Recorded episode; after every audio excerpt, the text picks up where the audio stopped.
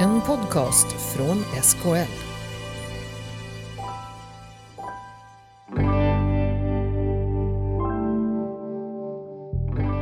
Vår uppgift i vården inte bara är att bota lunginflammationer och laga eh, frakturer.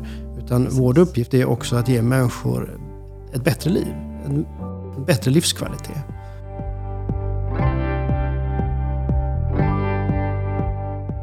Vi, vi har en tradition av att vara rätt så reaktiva. Eh, åtminstone jag är utbildad så. Man, man, vi, vi ska ju vara experter på att hantera det när någonting har gått fel. Vi ska laga det som har gått sönder. Och att vända de perspektiven till att tänka hur, hur, vad kan jag göra för att det inte ska gå sönder? Egentligen, om det går, avveckla oss själva. Det är ju, det är ju en utmaning.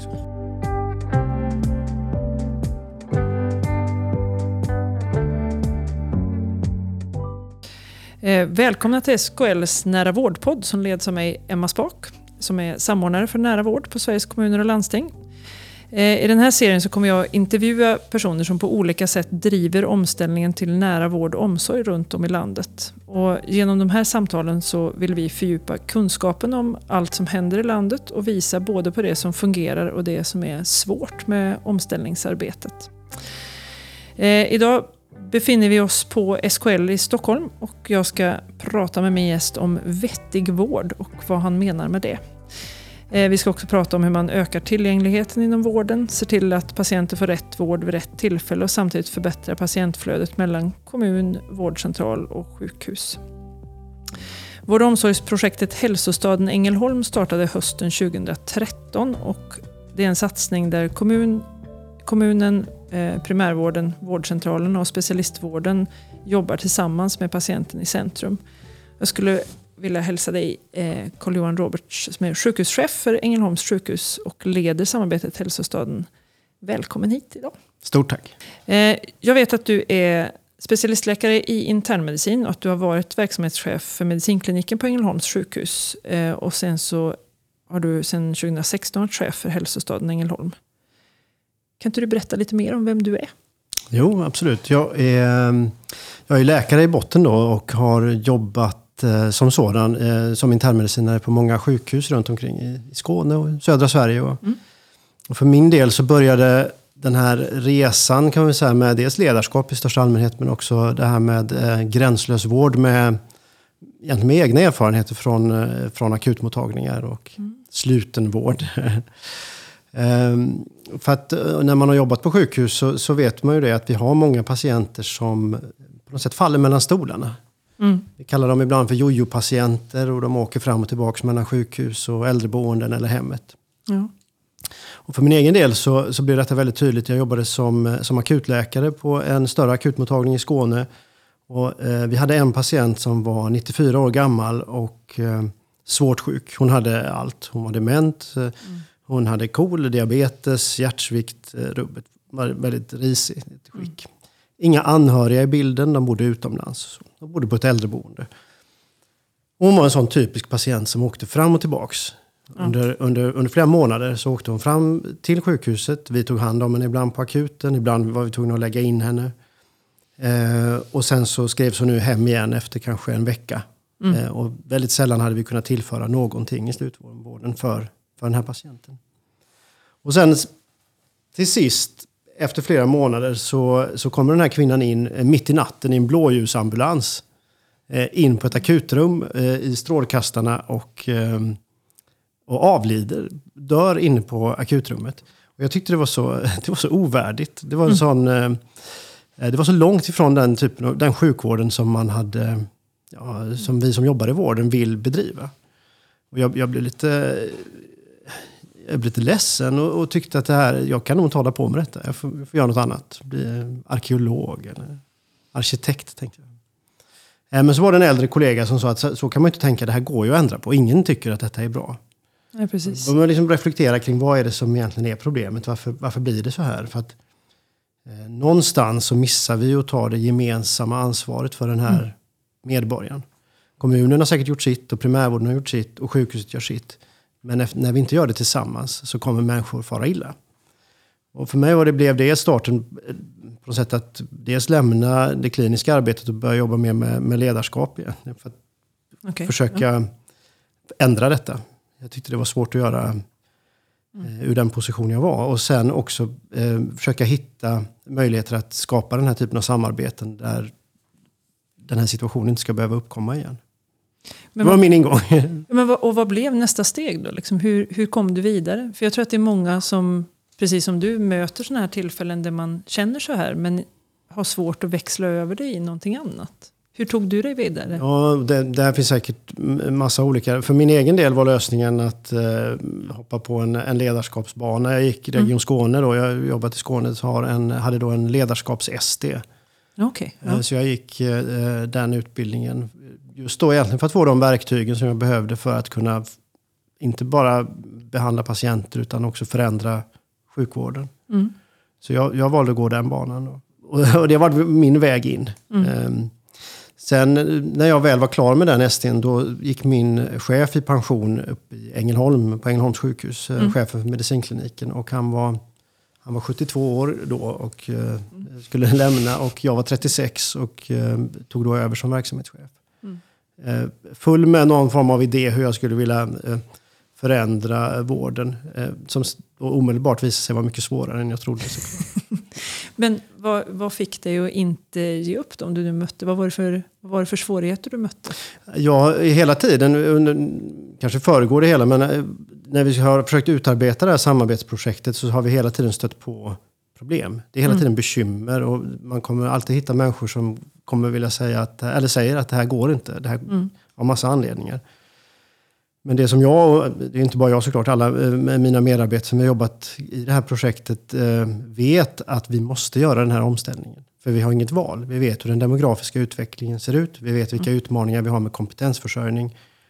Och dessutom är det också ett medicinskt problem. Människor far illa idag. Så, som, så att jag, om vi inte agerar eh, så gör vi fel.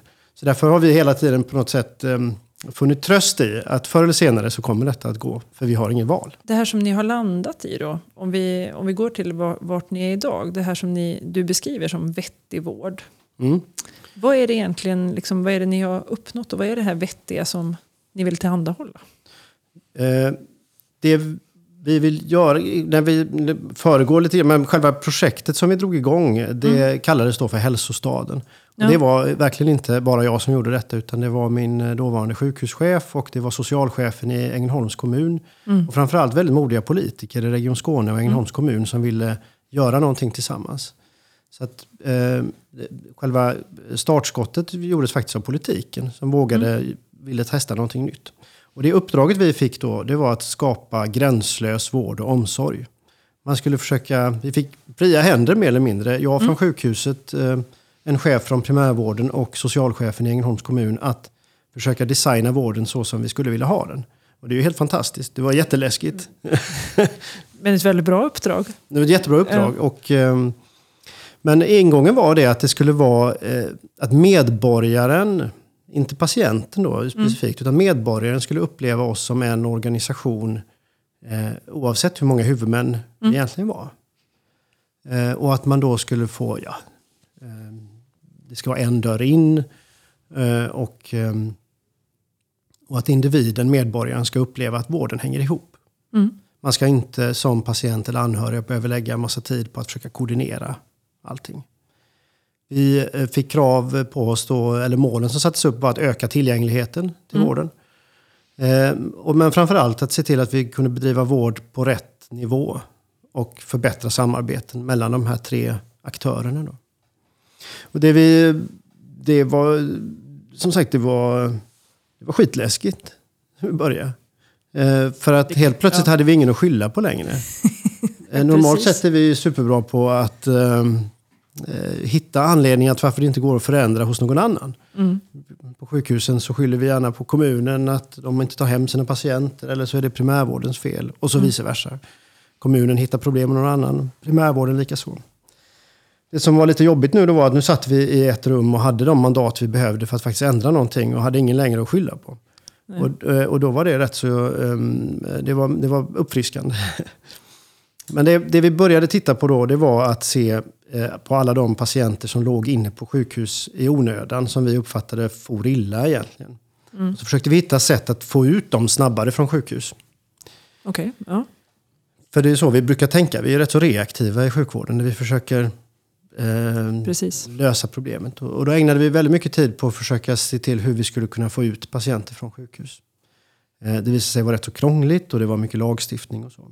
Men när vi fördjupade oss kring de här patienterna så såg vi att eh, en stor del av dem hade inte behövt vara på sjukhus överhuvudtaget. Om vi hade gjort rätt insatser innan sjukhus. Att börja jobba mer, mer uppströms och preventivt. Mm. Så det var ingången att dra igång våra mobila vårdteam.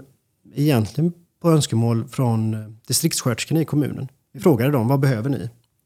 Och eh, så försökte vi designa det de behövde. Så de mobila vårdteamen, var det första liksom steget i ert gemensamma arbete? Det var den första liksom... Det var det första konkreta vi har gjort och egentligen fortfarande ett av de bästa exemplen på där vi jobbar tillsammans, alla aktörerna, eh, som en eh, part gentemot patienten. Mm. Eh, Så vi åker ut till patienten, läkare från sjukhuset, oftast geriatriker, sjuksköterskor från primärvård eller sjukhus och sjuksköterska från kommunen. Och där hos patienten så blir vi som en enhet. Och alla har de befogenheter och mandat som behövs för att göra rätt insats för patienten. Oavsett om det är akut korttidsboende, utökad hemtjänst eller ge blod eller intravenös antibiotika. Och vad...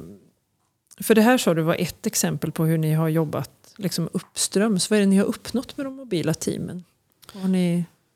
Det som vi märkte rätt så snabbt var att många av de här patienterna när vi tittade på dem på det sättet behövde inte komma till akuten överhuvudtaget. Nej. Och när de här eh, människorna inte kommer till akuten då läggs de inte in heller såklart. Så Nej. vi minskade inläggningarna. Kunde rätt så snabbt se att de här stod för en stor eh, vårdkonsumtion av slutenvårdsplatser. Mm. Så vi kunde i praktiken dra ner eh, ett antal vårdplatser eh, på sjukhuset som inte längre eh, belades av de här patienterna. Och det gav ekonomiska besparingar förutom att det eh, då faktiskt gav bättre vård. För patienter och anhöriga var mycket nöjdare. En bieffekt av det också som vi inte ens hade räknat med innan det var också att eh, medarbetarna upplevde det mycket roligare. Läkarna från sjukhuset som tidigare tagit hand om de här patienterna i slutenvården, när de fick, och där man rent krasst ibland har känt att de här, man har känt sig lite hjälplöst som läkare på sjukhuset, när man inte kan göra någonting med de här. När man fick möjligheten att ta hand om de här patienterna hemma, då kom de tillbaks efter en sån dag eh, med teamet och kände att man faktiskt hade gjort skillnad. Att man faktiskt kunde göra skillnad i någon människas liv. Kanske förbättra livskvaliteten lite grann den dagen åtminstone. Och då, eh, ja, helt plötsligt så, så ökade också nöjdheten hos våra medarbetare. Men det är bara ett exempel på, eller det var, det var första ingången så att säga, i, i hälsostadsarbetet. Nu blir jag jättenyfiken för det här med att, att koppla just arbetsglädje och nöjdheten i liksom personalgruppen till att man lyckas genomdriva förändringar som är bättre för patienterna. Det är en sak som, som vi har försökt diskutera eller lyfta ganska mycket. Att Mm. de brukar hänga samman det här. Ja. Har ni liksom märkt, är det lättare för er att rekrytera och sånt här när ni har, sen ni har börjat jobba på det här sättet? Eller hur? Ja, det, det är absolut så. När jag började som verksamhetschef på medicinkliniken då, 2011 var det, då hade vi väldigt svårt att rekrytera. Både yngre och äldre kollegor. Det var utpräglat närsjukhus, eh, geriatrisk sjukvård och det var svårt att rekrytera. Eh, Men över de här åren så har vi dels genom att vi mm, hanterar de här patienterna på ett bättre sätt så upplever alla som jobbar att man gör, man gör skillnad och, och man gör ett meningsfullt arbete. Och det är roligare. Dessutom har vi kommit in i någonting där vi jobbar med väldigt snabba förändringar hela tiden. Vi jobbar väldigt dynamiskt med att in, inte fundera så mycket utan faktiskt bara verkställa istället. Sno idéer från andra och så verkställer vi det snabbt. Och det visar sig mycket idéer från medarbetarna. Eh, och det visar sig att det är, det är ingen raketforskning, men att det, då blir det roligare att jobba. Ja. Så helt plötsligt har vi lättare att rekrytera. Eh, Vi eh, har inga, ingen hyrpersonal överhuvudtaget på sjukhuset idag. Inga hyrsköterskor, inga hyrläkare. Och eh, inom, eh, i vissa områden har vi kö in. Det är jätteintressant. Eh, Ja, det är spännande. Har det varit en utmaning för dig som chef? Liksom det här att, att då kunna liksom testa och ta till mer idéer. Och liksom, för några av de här idéerna måste ju... Alla kan ju inte ha blivit liksom succéer utan det måste ju ha funnits idéer som har behövt rensas bort på vägen och misslyckanden och sånt där också.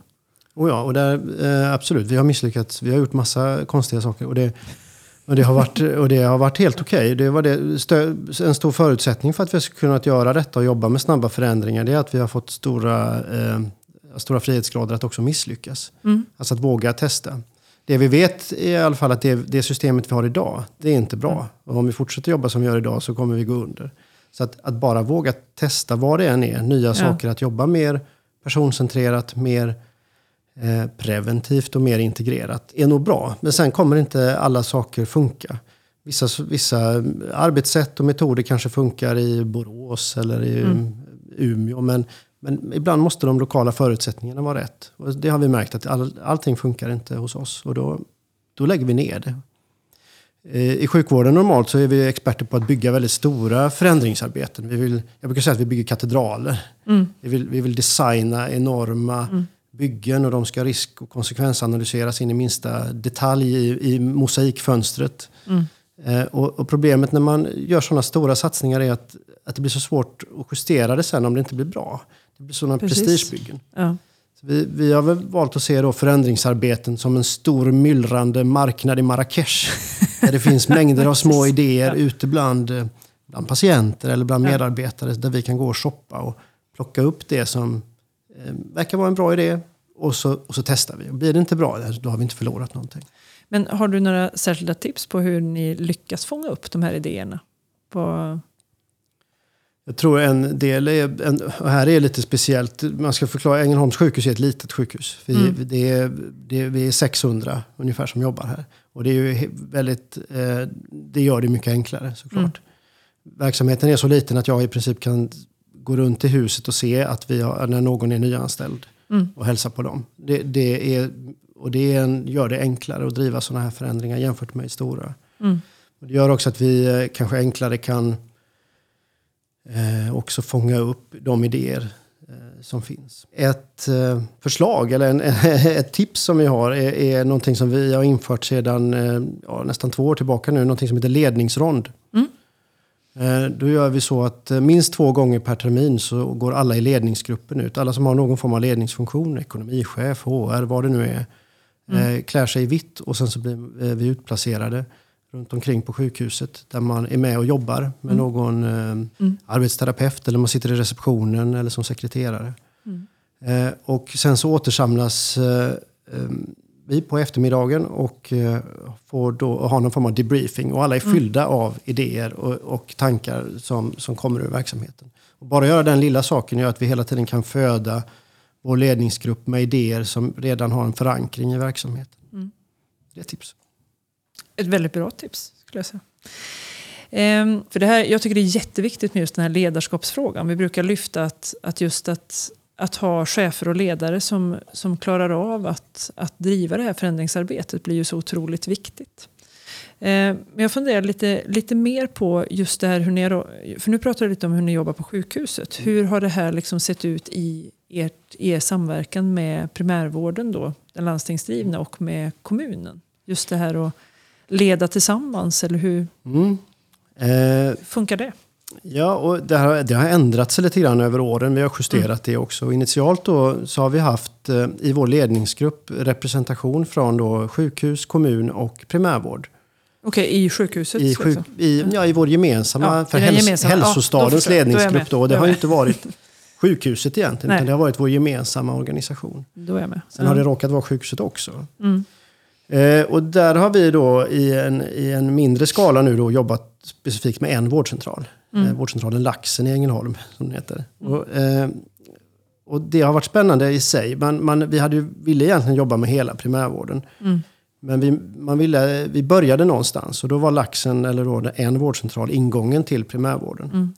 Och för min del, som är tidigare då varit utpräglad eh, sjukhusmänniska, så var det väldigt spännande att att varje vecka jobba med verksamhetschefen för vårdcentralen. Att sitta i samma ledningsgrupp och bli...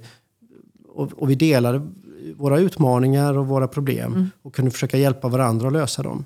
Så det var ett sätt som vi försökte leda det.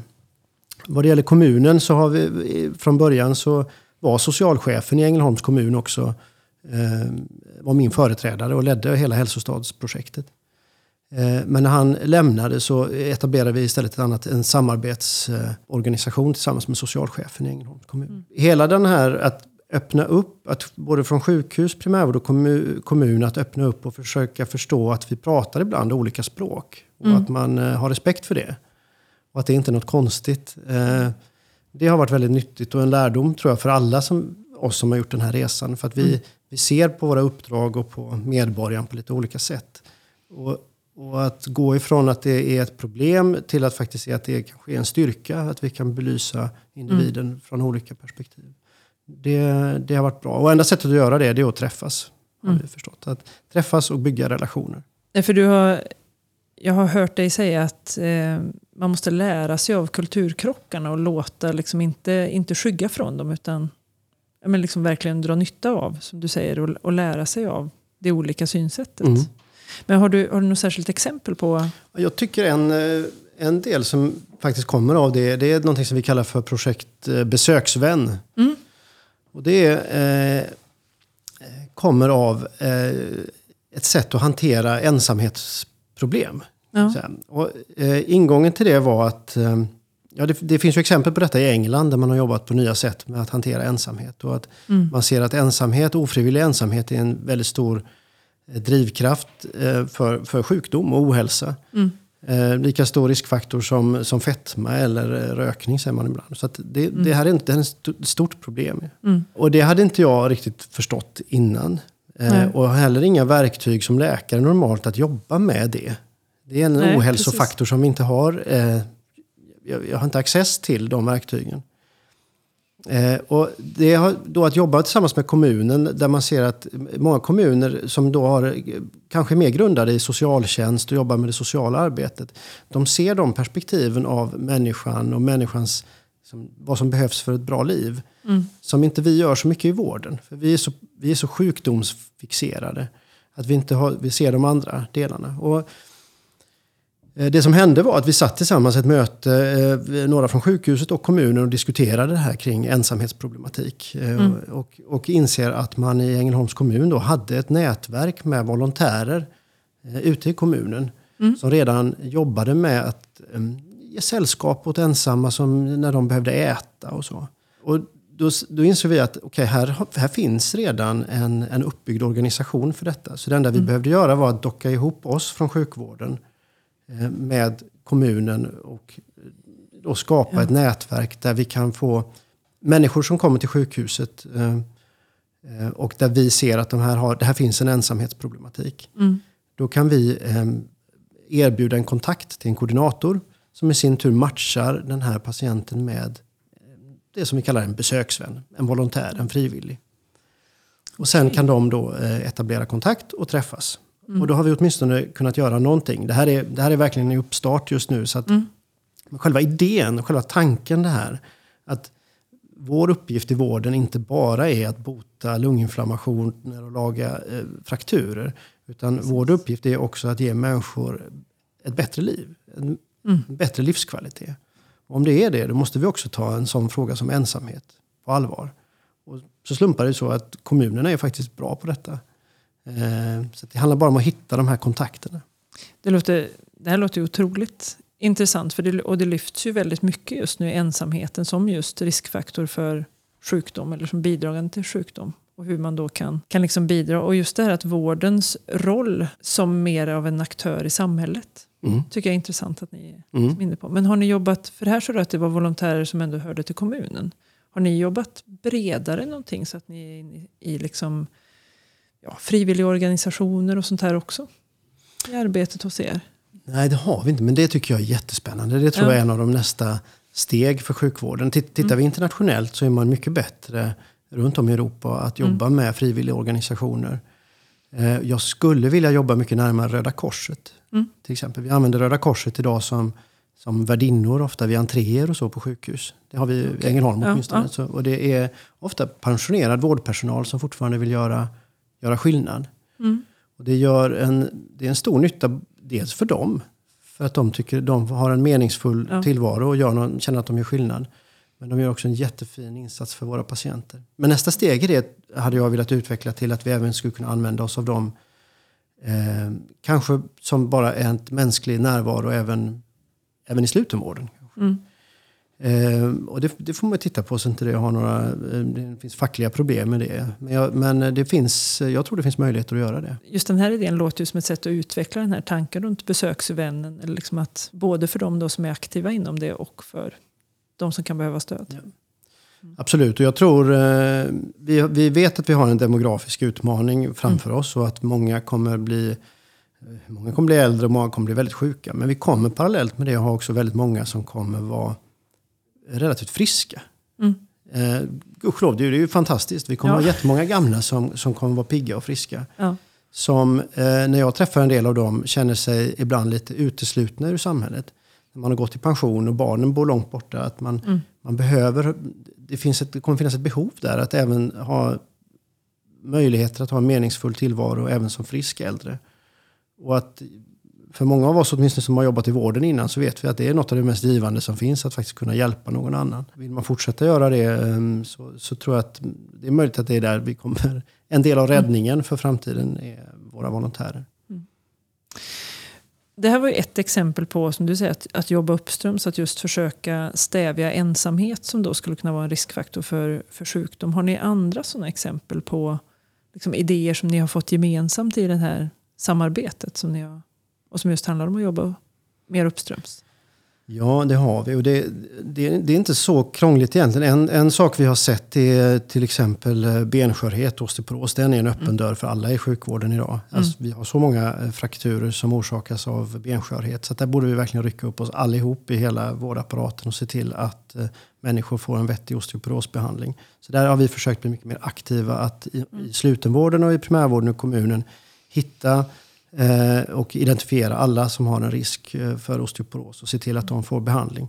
En infektion, med, med eh, en infektion eh, idag kostar eh, ungefär eh, 300 kronor. Så det är liksom ingen pris egentligen per år för att, eh, för att motverka detta. Så det är en del som vi har försökt jobba med. En annan sak handlar om, eh, om demens. Vi har tittat på kognitiv svikt. Vi har gjort ett projekt under eh, ett år tillbaka nu där vi har på alla patienter som har lagts in har ställt en väldigt banal fråga. Vi har frågat eh, som en del av inskrivningen på slutenvården. Vet du vilken månad och vilket år det är? Och det visar sig att ungefär en fjärdedel av våra patienter vet inte det. Eh, Så pass många? Och eh, av dem, ja, mellan, mellan, mellan 20 och, och 25 procent. Av dem är det ungefär 4 procent som har en känd kognitiv svikt eller en demenssjukdom sedan innan. Så här finns ett rätt så stort mörkertal. Och många av de här patienterna är rätt så bra på att eh, verka kognitivt intakta när man har ett samtal. Men sen vet vi att det är ett problem. Sen kan det vara en tillfällig eh, konfusion eller att man är lite snurrig på grund av att man har en urinvägsinfektion eller man har en, lung, en pneumoni som gör att man är dålig. Och det är en sak.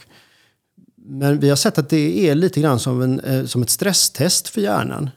Så att har du liksom en liten sänkning redan innan och får en infektion. Om du då blir så pass sänkt att du inte vet vilken månad eller år det är. Ja, men då är det nog kanske någonting man måste titta på. Så det vi har gjort då är att vi har försökt fånga upp de här patienterna som då inte vet vilken månad och år det är. Och i, helt på, eh, komplettera då med provtagning. Alltså inleda egentligen någon form av demensdiagnostik. Göra CT-skalle på de som behövs. För att kika på det. Och sen remittera ut till primärvården. För att eh, ja, egentligen flagga. Här har vi potentiellt någonting. Behöver inte vara någonting men det kan vara tidiga tecken på en demenssjukdom. Som vi ser just för att de har hamnat hos oss i slutenvård. Och det primärvården har gjort det då, där är att man har börjat, då utreder man de här. Och i en stor andel fall så hittar man också då demenssjukdom hos dem. Och preliminära siffror visar att de patienter som vi hanterar på det sättet, de kommer inte tillbaka i samma utsträckning. När de får en demensdiagnos då, då riggas hela apparaten runt de här patienterna. Man kanske ser över läkemedel, man gör bättre justeringar. Man kanske överhuvudtaget ser till att de kanske inte ska sköta sina läkemedel själv. Nej. Som vi inte, jag vet inte hur många gånger jag själv har skrivit ut patienter från slutenvården där man undrar lite grann undrar hur detta kommer gå. Men här, och det här, får de, här får de här människorna faktiskt då hjälp med det. Och då minskar vi återinläggningar på grund av ja, läkemedelsfel. Så att, och dessutom, så om vi, hit, om vi hjälper till i, hela, i den här kedjan och jobbar uppströms, hittar de här patienterna, då får de också behandling tidigare. Och ju tidigare vi kan sätta in behandling, där det går, på våra demenspatienter, eller kognitiv svikt, eh, så desto större sannolikhet är det att man kan bo hemma längre. Och, eh, och faktiskt ha ett, bättre, ett något bättre liv eh, fram till man dör. Eh, och förutom att individen tjänar på det, alltså livskvaliteten ökar, så är det också mycket billigare för samhället. Mm. För att du minskar också, eller du ökar den tiden som man kan bo hemma och inte behöver bo i, på särskilt boende. Så vad ni har gjort är egentligen att lägga till liksom ett steg till i kedjan. Att tidigare så var det ofta så att man kanske fångar dem så småningom i primärvården och då sätter in liksom de kommunala resurserna och så. Men här tar ni chansen att fånga upp dem när de ändå kommer förbi slutenvården. Ja, Att precis. det är det som är liksom... Ja. Och att våga, våga se det. Eh, att inte bara försöka, när man kommer in på sjukhuset och har en lunginflammation, att inte bara behandla den. Mm. Eh, och, och att eh, snabbsänkan ska vara, ska vara fem och sen skicka hem. Utan faktiskt se slutenvårdstillfället som en, det är en extrem situation i vilken människa Ja. som helst liv. Att ligga på sjukhus är en extrem, nästan en krissituation. Mm. Och att då ändå passa på att väldigt snabbt göra en riskbedömning. Är det, finns det risk för osteoporos? Är det en risk för demens? Finns det en risk för ensamhet? Mm. Och i så fall, vad kan vi göra eh, för att den här patienten ska få bättre vård? Mm. Det handlar ju om att ta ett helhetsgrepp på patienten, att vidga. Och det här är svårt för oss. Eh, vi- Åtminstone nu pratar jag mycket utifrån sjukhusperspektivet. Jag tror att vi har en rätt stor resa att göra. Men vi, vi har en tradition av att vara rätt så reaktiva. Eh, åtminstone jag är utbildad så. Man, man, vi, vi ska ju vara experter på att hantera det när någonting har gått fel. Vi ska laga det som har gått sönder. Och att vända de perspektiven till att tänka hur, vad kan jag göra för att det inte ska gå sönder? Egentligen, om det går, avveckla oss själva. Det är ju, det är ju en utmaning såklart. Och det är klart att det är en utmaning för det kräver ett väldigt förändrat perspektiv. Men det är ju egentligen det, är egentligen det som borde vara målsättningen med all utveckling inom hälso och sjukvård och liksom forskning. Att man ska göra sig själv onödig, kan man ju tycka. Men har ni just den här liksom attitydförändringen, har du märkt att har det varit svårt liksom med då personalen på sjukhuset att byta det här perspektivet, att gå från det här reaktiva till ett mer proaktivt perspektiv? Ja, eh, både ja och nej. Ska säga. Det, det är ju alltid svårt med förändringsarbete. Men jag tycker att det här är inte så himla krångligt när man kommer ner till det. När vi har Nej. diskussioner i, med medarbetare och så. Det, någonstans handlar det om hur skulle vi vilja ha vården för oss själva eller våra anhöriga. Jag brukar fundera på hur skulle jag vilja ha vården för mina, mina föräldrar eller min, min mormor när hon levde. Då blir det rätt så enkelt. Eh, ja, men jag vill att den ska hänga ihop. Jag vill att människor ska göra rätt saker i rätt tid. Informationen ska vara, ska vara tydlig. Och, alltså, och, och, och så känner vi alla. Så Alla vi som jobbar i sjukvård eller i kommun eller i, i primärvård är ju också varje dag någonstans patienter och anhöriga. Enda skillnaden är att vi faktiskt är i systemet och har makt att faktiskt förändra systemet. Så är vi inte nöjda med, med det så, som patient eller anhörig, ja då är det ju, det är ju ingen annan än vi som kan ändra på det då. Och, och, och så har vi pratat om det här förändringsarbetet på, på vårt sjukhus eller i hälsostaden. Och, och det är ju någonting som är, det är roligt. Då är det kul att göra förändring. Sen är det alltid svårt med förändringar som innebär att man själv måste ändra arbetssätt och så. Det, det, det är ju det. Och det tror jag bara Precis. man måste ha respekt för och vissa saker måste då få ta tid. Nej, men för det kan ju lätt bli så att man är, man är väldigt sugen på, om man får frågan så här, vill du att det här ska ändras? Så är man väldigt sugen på att någonting ska ändras, men man vill inte ändra sin egen del i det, utan det är gärna alla andra som ska ändra på sin bit. Mm.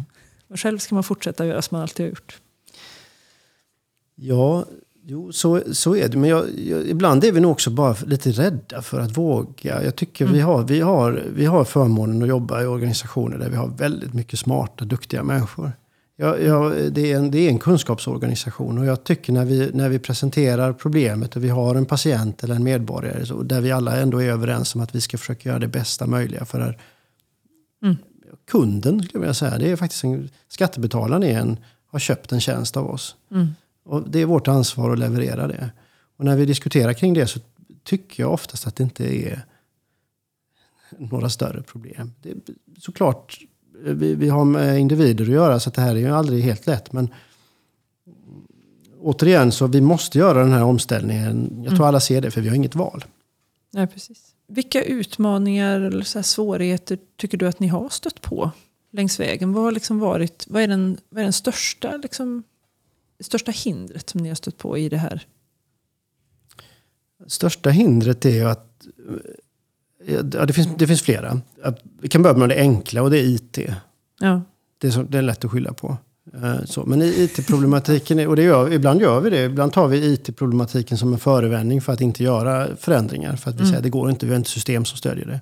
Men det, det har varit ett problem. En, under en period eh, när vi hade, vi har en kommunal korttidsavdelning insprängd på sjukhuset. Och eh, under en period på den avdelningen så hade man tre journalsystem som jobbade parallellt. Sjukhusets system, eh, primärvårdens och kommunens. Och det enda sättet att överföra information mellan de här på ett säkert sätt var att faxa. Så vi faxade Precis. inom sjukhuset. Och det, det, sånt känns ju frustrerande. Men det, det har varit en sak och det, det kommer lösa sig över tid. Eh, Sen har vi haft en del lagstiftningsproblem när vi försöker tänka nytt kring samordning av vården. Och det handlar om eh, att få socialtjänstlag och hälso och sjukvårdslagen att dra jämnt. När vi försöker göra och verka i gränslandet. De här patienterna som vi hanterar tillsammans, de, är ju, de, de glider fram och tillbaks mellan eh, HSL-insatser och solinsatser. Det har varit lite trixigt att navigera. Men vad ser du skulle behöva göras för att komma åt de här? Jag tror att vi är på väg, så, som jag har förstått det kring nära vården-utredningen, ändå att man behöver kanske titta över en, en alltså att det behövs en, en, ett omtag kanske kring även den eh, lagstiftningen. Så att vi inte... Även här märker jag att det finns... eh, Alltså det är lätt att skylla på. Patienten kanske behöver, eller medborgaren behöver någonting. Men om vi blir kantiga mot varandra från kommun eller sjukvårdens sida, eller sjukhusen eller primärvårdens sida, då är det lätt att skylla då på lagstiftningen. Men där lagstiftningen styr oss fel. Så jag skulle vilja ha någon form av möjlighet där man eh, eh, kanske kan liksom göra rätt för patienten utan att bryta mot lagen. Det här blir lite abstrakt. Men det är hur som helst, det legala är, är ett problem och jag tänker att man, jag, hopp, jag har stora förhoppningar på nära Ja. vården-utredningen att vi kommer ge oss andra verktyg, att jobba mer, eh, att det blir enklare att jobba gränslöst. Men sen, eh, det, det sista och det största problemet är nog ändå de kulturella. Alltså vi, har, vi, har, eh, vi har olika organisationer, olika sätt att se på, på medborgaren, både från det kommunala perspektivet och från sjukvården. Eh, Så det, det, det är ett problem. Och om man då inte vänder det till att försöka se styrkan i det. Nu ska jag säga det sista, för det var inte det sista. Var det. För det, det sista problemet är också såklart ekonomiskt. Ja. Det är hur man hanterar ekonomier. Eh, och när vi startade vårt projekt så ville vi, då tänkte vi som från början att vi skulle vara en budget, en organisation, en chef och styra resurserna. Och det, det funkade väl något år, men sen insåg vi ändå att det, det räcker inte. Utan vi har sett att, eh, att mycket för att få ihop detta bygger på att eh, etablera relationer. Bygga eh, vettiga relationer mellan aktörer. Och att man då respekterar att vi faktiskt då har separata ekonomier och försöker hitta win-win lösningar för varandra. Men det har också varit en utmaning, det ekonomiska. Jag vet en sak som jag har hört dig säga, som jag tyckte var väldigt klokt, var det här att när ni satte, att ni satte ner att ni också konstaterade att den största vinnaren måste vara patienten. Ingen av de ingående aktörerna får bli förlorare. Men man måste ändå enas om att det är patienten som ska vara patienten, brukaren, som ska vara den stora vinnaren Absolut. Ja. i det här man konstruerar. För annars blir det lätt att man fastnar i ekonomi och den typen av frågor. Ja, precis. Och det, exakt, det blir ofta att man hamnar i teknikaliteter då. Och det vi har sagt är att jag tror att vi, vi måste vara väldigt pragmatiska. Hitta pragmatiska lösningar som gör bästa, bästa möjliga vård eller omsorg för, för patienten eller för medborgaren. Eh, och, och sen se hur kan, vi, hur kan hela... Ofta gör man det, att man får, gör man rätt vård på rätt tillfälle och jobbar förebyggande så, så kommer alla aktörer vinna på det. Jag har väldigt svårt att se att, man, att, att det egentligen är någon som förlorar. Men, men det är bra att belysa de perspektiven.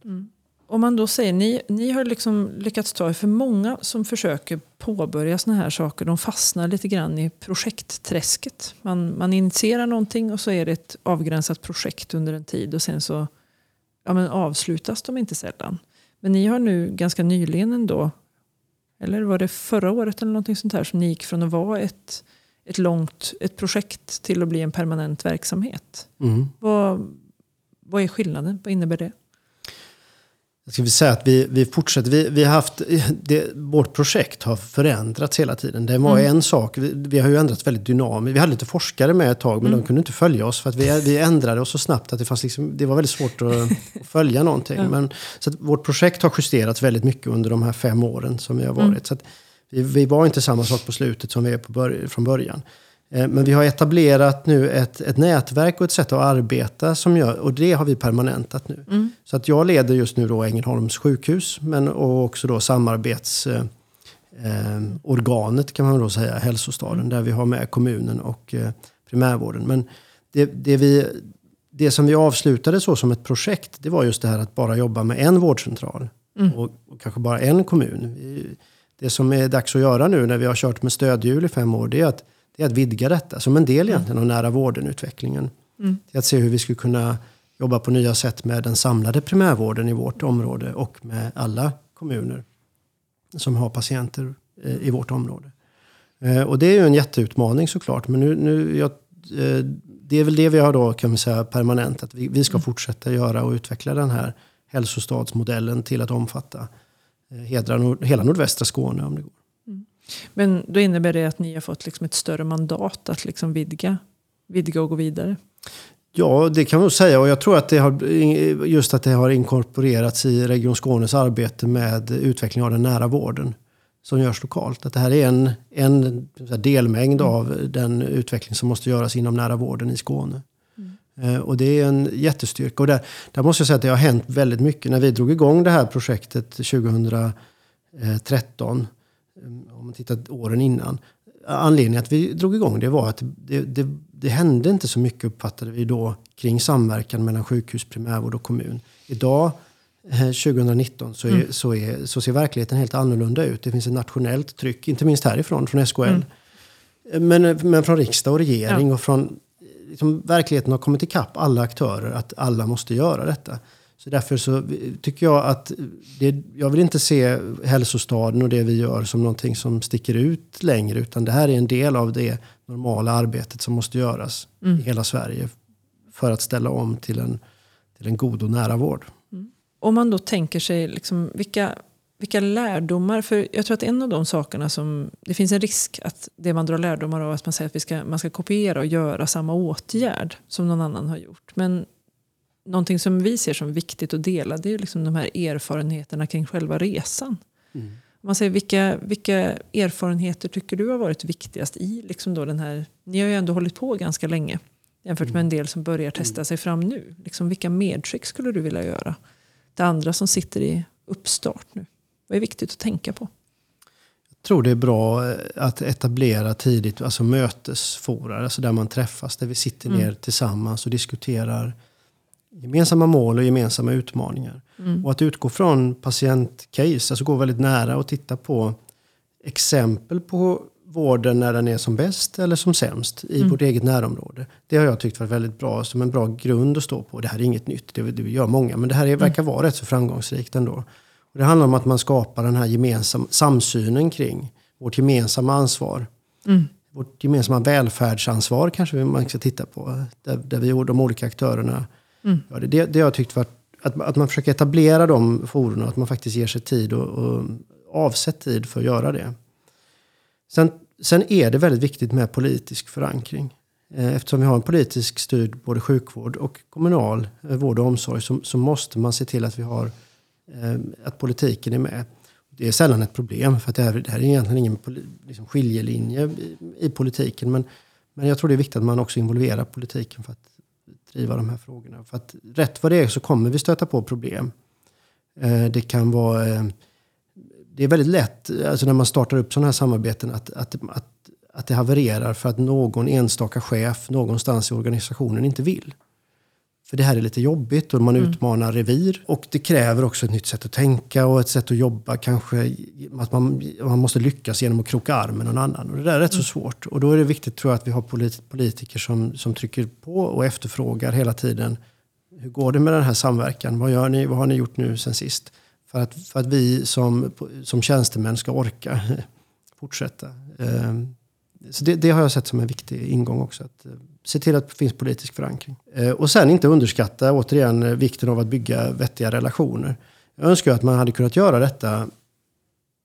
Alltså bygga de här samarbeten där man kunde bortse från personer. Mm. Eller hur? Vi vill ju väldigt gärna det, att vi ska skapa någonting som är... Vi kan rita en karta och så, och så är det funktioner mer än, än personer. Och det är ju det bästa såklart. Men, men i praktiken så visar det att det är rätt så, rätt så svårt. Jag tror kanske att vi måste ändra oss att faktiskt bejaka det där. Då. Bygg relationer mellan personer. För det, när det funkar så blir det väldigt bra. Mm. Vi måste bygga system som funkar för alla. Men sen måste vi satsa på de personliga relationerna i, mellan olika organisationer. Men hur tänker du? För ni har ju hållit på så pass länge och som du konstaterade så har ni ju bytt. Ni har ju liksom lyckats byta. Det har varit byte av chef på vägen och sånt här. Att hur har... För i det här när man satsar på relationerna och individerna som driver. Hur lyckas man få det att överleva? Mm. Projektet bortom individerna då? Även om individerna är viktiga. Mm, och det är klart att det, att det kan växla och det, samarbetet kanske kan ta olika riktningar. Men mm. det som vi har haft eh, för att leda vårt projekt, det är en, det är en politisk eh, styrgrupp. Mm. Så vi har haft, jag då som eh, chef för hälsostaden och Ängelholms sjukhus och socialchefen i Ängelholms kommun. Vi har haft en, en gemensam politisk styrgrupp för det här projektet där, mm. där vi har haft politiker både från Region Skåne och från Ängelholms kommun med. Och de har då kunnat eh, hjälpa, alltså att vara en kontinuitet och kunna ta ut en, en, en riktning. Det finns, har funnits en ambition att faktiskt göra någonting nytt eh, politiskt. Mm. Så det har, varit, det har varit en styrka för vår del att ha, ha den konstellationen. Mm. Men vad hoppas du på? Vi har ju varit inne på det lite under samtalet här. Vad saker du hoppas på för framtiden. Men har du något sån här som du verkligen skulle vilja trycka på, som du hoppas på som nästa steg för, för er? Vi har ju försökt nu sista året kan vi säga då, fundera kring egentligen vad är det här vårt hälsostadskoncept? Och, och, och, det vi har kommit fram till är att det handlar om att det vi har kallat då vettig vård. Mm. Och det är, eh, vad är det då det? Um, det var min mormor en gång som undrade, så här, vad håller du på med Karl-Johan egentligen? Liksom, vi pratar om gränslös vård och vad är detta liksom? Så försökte jag förklara och då, och då sa hon så här, ja, ja, vettig vård. Ja, det var bra, ett bra, ett bra term. Ja. Vad är då det? Jo, vi sa att vettig vård är personcentrerad. Den mm. utgår från medborgaren och försöker titta på vad är medborgarens behov och hur kan vi möta dem. Mm. Den är eh, preventiv, den jobbar uppströms, den är proaktiv. Den försöker se till att patienter inte kommer in på sjukhus eh, istället för att försöka få ut dem. Mm. Den eh, adresserar risker, behandlar ensamhet om det behövs. Ehm, och sen är den integrerad, den hänger ihop. Mm. Det jag har sett, eller som jag tror för att vi ska kunna lyckas med detta, och det här är ju väl att slå in öppna dörrar också, men, men att jag tror ju att digitaliseringen kommer vara ett, helt, ett, ett nödvändigt verktyg för att kunna hjälpa oss att göra detta. Mm. Att öka personcentreringen, öka vårt arbete med prevention och också öka integreringen. Mm. Och där kommer den nya tekniken, digitaliseringen och eh, artificiell intelligens och gärna robotisering också. Att frigöra de mänskliga resurserna för att kunna jobba mycket mer mm. med de här, eh, det vi vill göra. Så det tror jag är nästa steg för oss. Det är att våga eh, jobba med alla de här mjuka faktorerna som är väldigt otraditionellt, kanske inom den naturvetenskapliga medicinen, med de här lite flummiga sakerna. Ja. Men att, eller som vi tycker, men, men som har så stort värde för, för individen. Men att för att kunna lyckas med det ta hjälp av, eh, av de nya teknologiska möjligheterna. Så det, det är vad jag ser fram emot eh, under de närmaste åren. Och för att ni ska kunna lyckas med det här, finns det någonting som, ni, som du vill liksom understryka som ni behöver som stöd för att det här ska funka? Vad behöver andra göra för att ni ska få till det här? Vi behöver, få, eh, vi behöver ha support från tjänstemän i, i våra organisationer men också politiskt stöd. Eh, för att vi kommer oavsett, vi kommer stöta på, vi stöter på patrull hela tiden när vi försöker göra saker. Och, eh, vi har ju försökt vända vår organisation eh, där när det funkar som bäst så har våra medarbetare ett förslag på hur man gör vettig vård. Mm. Och då är min uppgift och min lednings uppgift är att undanröja de hinder som behövs för att den här medarbetaren ska lyckas med att genomföra detta. Och på samma sätt så kommer jag behöva hjälp av mina överordnade och av politiken att undanröja de hinder som behövs när inte jag kan komma längre. Jag tänker att vi kanske avrundar så här. Och för den som har lyssnat men som är nyfiken på att läsa mer om hur ni har jobbat eh, så har vi faktiskt också gjort en skrift om er som vi har kallat för Nära vård i Ängelholm. Och den kommer att finnas tillgänglig på skl.se och så småningom hoppas vi även i tryckt form. Så att vi kan sprida mer om just era, era lärdomar och tips som ni vill dela med er av. Tusen tack för att du kom och pratade med mig idag. Tack, det var jätteroligt.